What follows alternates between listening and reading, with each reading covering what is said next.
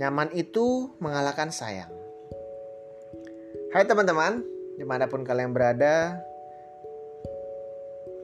gue doakan semoga kalian semua selalu sehat, diberikan rezeki yang melimpah, dan selalu diberikan kebahagiaan yang luar biasa di tengah hidup kita yang lagi susah ini ya.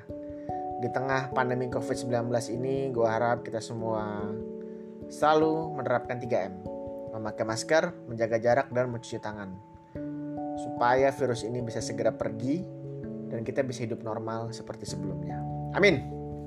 Selamat datang di podcast Cerita Hati. Ini adalah episode pertama gua, jadi mohon maaf kalau misalnya masih agak kurang bagus atau gimana ya namanya masih belajar buat podcast. Jadi ya mohon maklum. Salam kenal nama gue Iko sebagai host kalian. Apa sih itu podcast cerita hati? Jadi podcast ini bercerita tentang keluarga dan percintaan yang terjadi sepanjang hidup gue. Gue cuma mau sharing dan gue gak mau menggurui apa pun. Ya semoga sharing gue ini bermanfaat lah buat kalian.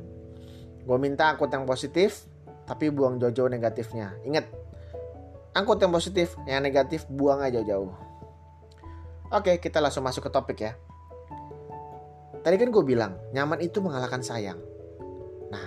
Bagi yang mungkin lagi jatuh cinta, gue ada pertanyaan nih. Cinta dulu baru nyaman atau harus nyaman dulu baru cinta? Gue aja kadang-kadang bingung mana yang harus lebih dulu. Terutama untuk menentukan pasangan hidup ya. Ini kita lagi ngobrolin tentang pasangan hidup. Nyaman nyaman dengan pasangan hidup kita. Sebenarnya tergantung sih pilihan setiap orang mana yang harus lebih dulu. Tapi kalau dari gua, mendingan pilih nyaman dulu deh baru cinta.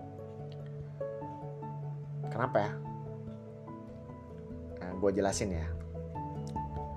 Gue sharing sedikit. Uh, kita flashback dulu ke masa-masa SMA kita. Ya gue anggap lo seumur sama gue lah ya. Gue umur sekarang 30 ya masa SMA gue udah lewat cukup lama tapi gue mau flashback di mana masa-masa SMA itu adalah masa yang paling indah masa yang paling berkesan buat gue karena pada pada masa itu ya banyak lah terjadi kita cinta sama orang kita punya banyak temen kita bisa melakukan apa pun yang kita suka gitu tanpa ekspektasi yang berlebih. Ketika SMA kita pasti dong suka sama lawan jenis kita. Mungkin kita suka nih sama cewek cantik nih. Cantik banget tuh cewek. Wah kayak bisa nih gue gebet. Pasti dong. Lu pernah kan ngalamin yang kayak gitu kayak gitu? Gue juga pernah. Dulu gue pernah suka sama seseorang kita lihat tuh orang cantik banget. Dan rasanya tuh hati tuh deg-degan banget. Pengen gue embat aja pengen gue bungkus aja tuh orangnya. Tuh cewek pengen gue bungkus gitu. Dan kadang-kadang cinta SMA itu mengalahkan logika sih. Gila kalau gue bayangin. Kayaknya hidup gue untuk dia doang gitu. Kayaknya gue cuma pengen bersama dia gitu kan. Kayak dunia itu milik berdua. Pas masa SMA itu gue memilih pasangan karena pasti dia cantik cantik terkenal terus enak banget dipandang. Seneng dong kalau di tongkrongan kita bawa pacar kita wih cantik nih pacarnya pacar Iko cantik. Itu adalah kebanggaan tersini buat gua. Pride-nya tuh tinggi lah gitu kan. Ya maklum anak SMA ya masih cinta-cinta monyet lah ya. Ya awalnya sih seneng bahagia sebulan dua bulan tiga bulan tapi lama kelamaan kok kayaknya hubungan jadi kurang gitu. Kurang banget gitu. Kurangnya karena gini nih. Ya tiba-tiba itu pacar gue jadi posesif. Tiba-tiba dia ngelarang-larang gue ke mana-mana nggak ngebolehin gue kumpul sama teman-teman gue lagi. Dan begonya gue nurutin. Nah itu yang bikin gue gue seselin tuh itu doang tuh kenapa gue turutin gitu waktu itu? Jadinya ada beberapa masa SMA gue tuh kayak nggak puas banget gitu. Puas sih cuman kayak kurang pol gitu. Karena gue terlalu menuruti keinginan dia. Yang mungkin gue misalnya mau uh, meraih cita-cita gue gue pengen uh, coba ngerintis sesuatu dilarang segala macam yang akhirnya karena gue merasakan sayang dengan dia gue turutin semua kemauan dia capek gak sih kayak gitu? Capek. Dan dari situ gue sadar ternyata cantik itu nggak cukup cuy. Yang penting itu nyaman dalam menjalani hubungan. Itulah kenapa gue memilih istri gue sekarang. Mungkin cerita lengkapnya bisa dilihat di episode gue nggak tahu ntar episode berapa gue masukin tapi pasti ada ntar di episode berikutnya. Gue akan cerita tentang percintaan gue dengan istri gue yang mungkin bisa gue bagi lah oke kita flash kita balik lagi ke yang tadi. Karena buat gue ada definisi, ada beberapa definisi definisi ah susah banget sih. Ada beberapa definisi definisi nyaman buat gue yang pertama sih asik diajak ngobrol obrolan itu nyambung. Itu yang penting. Karena dalam memilih pasangan hidup ya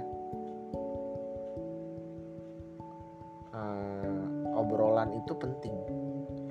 Obrolan itu adalah sesuatu yang long last gitu. Ketika kita mendapatkan seseorang yang bisa diajak cerita diajak ketawa-ketawa bareng tuh kebagian yang gak terkira gak terkira gak terkira harganya. Dan yang kedua gue bisa menjadi diri sendiri. Nah ini yang paling penting. Ketika kita punya pasangan tuh sebisa mungkin pasangan kita lah nggak janganlah janganlah untuk mengubah diri kita janganlah mengubah diri kita. Kita harus jadi diri kita sendiri aja. Kalau misalnya kita punya pasangan dan dia berusaha mengubah kita menjadi seperti yang dia minta itu sih lebih baik di out aja kali ya. Nggak baik nggak usah lah. Jangan jangan coba-coba begitu begitu dan yang terakhir paling penting mendukung semua cita-cita dan tidak mengakang penting. Pasangan yang baik akan mendukung semua cita-cita dari pacarnya. Itu penting jangan sampai cita-cita lo itu terbengkalai gara-gara lo menuruti keinginan dari pasangan lo kenapa gue bisa ngomong gini? Karena gue udah mengalami dapat pasangan berkali-kali yang yang nggak nggak nggak buat gue yang buat gue nggak nyaman gitu. Ya susah nggak enak diajak ngobrol obrolan dengan nyambung. Gue harus fake di depan dia gue harus jadi orang lain dan yang terakhir yang paling parah akhirnya cita-cita gue jadi terbengkalai gara-gara harus nurutin kemauannya dia Bagi gue cantik itu bonus sih, tapi kenyamanan dalam hubungan adalah berkah yang gak bisa lo nilai. Itu buat hati lo bener-bener bahagia. Punya pacar cantik itu emang bikin seneng, tapi kalau nggak ada rasa nyaman, buat apa? Tapi ya kalau misalnya lo bisa dapet yang cantik dan bikin nyaman, wah itu sudah paling the best banget deh. Lo harus pertahanin banget tuh yang kayak gitu kayak gitu tuh. Jangan jangan lo lepas lah gitu. ya gue mengalami ini semua sih apa yang gue alamin tuh bener-bener ngebuka mata gue gitu ketika gue dapat pasangan yang dulu dari SMA kuliah sampai kerja yang mungkin buat gue gak nyaman tuh ya itu akan adalah menjadi suatu batu loncatan aja lah pelajaran aja. Dan pada akhirnya gue menemukan seseorang yang nyaman sekarang. Walaupun mungkin uh, tidak secantik yang sebelum sebelumnya atau tidak se famous sebelum tapi nggak apa-apa. Gue menikmati bersama istri gue yang sekarang gitu. Bagi gue ketika ketemu dia ketemu istri gue tuh adalah sesuatu yang benar-benar anugerah terbesar dari Tuhan. Jadi ya gue mensyukuri itu. Gue nggak pernah menyesali apa pun dan gue akan selalu menjaga keluarga gue dan istri gue dengan penuh cinta. Cela. dan nanti gue ceritain lengkapnya gimana pertemuan gue segala macem yang gimana gue bisa menemukan arti cinta di episode yang entah kapan lah itu ditunggu aja Ya tapi sudut pandang orang tuh kan pasti beda-beda ya. Ada yang penting cantik, bodoh amat sama kenyamanan. Gue bisa lah. Pokoknya gue ngerubah dia atau gimana ya tuh is okay. That's your choice lah. Dan bagi gue kenyamanan itu segalanya. Karena bisa buat gue hati gue jadi lebih bahagia. Oke, itu mungkin cerita di episode pertama gue. Sorry kalau masih ya masih terbata-bata atau masih agak uh, apa namanya ya typo-typo dikit lah ngomongnya. It's okay gue akan coba perbaiki ke depannya. Terima kasih udah dengerin episode 1 dari podcast cerita hati. Podcast gue bakal tayang setiap hari Selasa, Kamis, dan Minggu.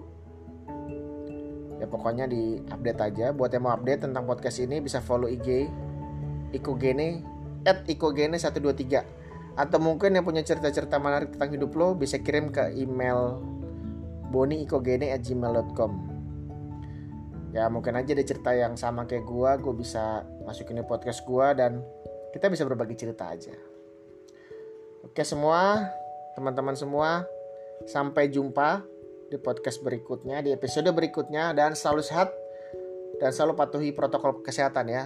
Oke, bye.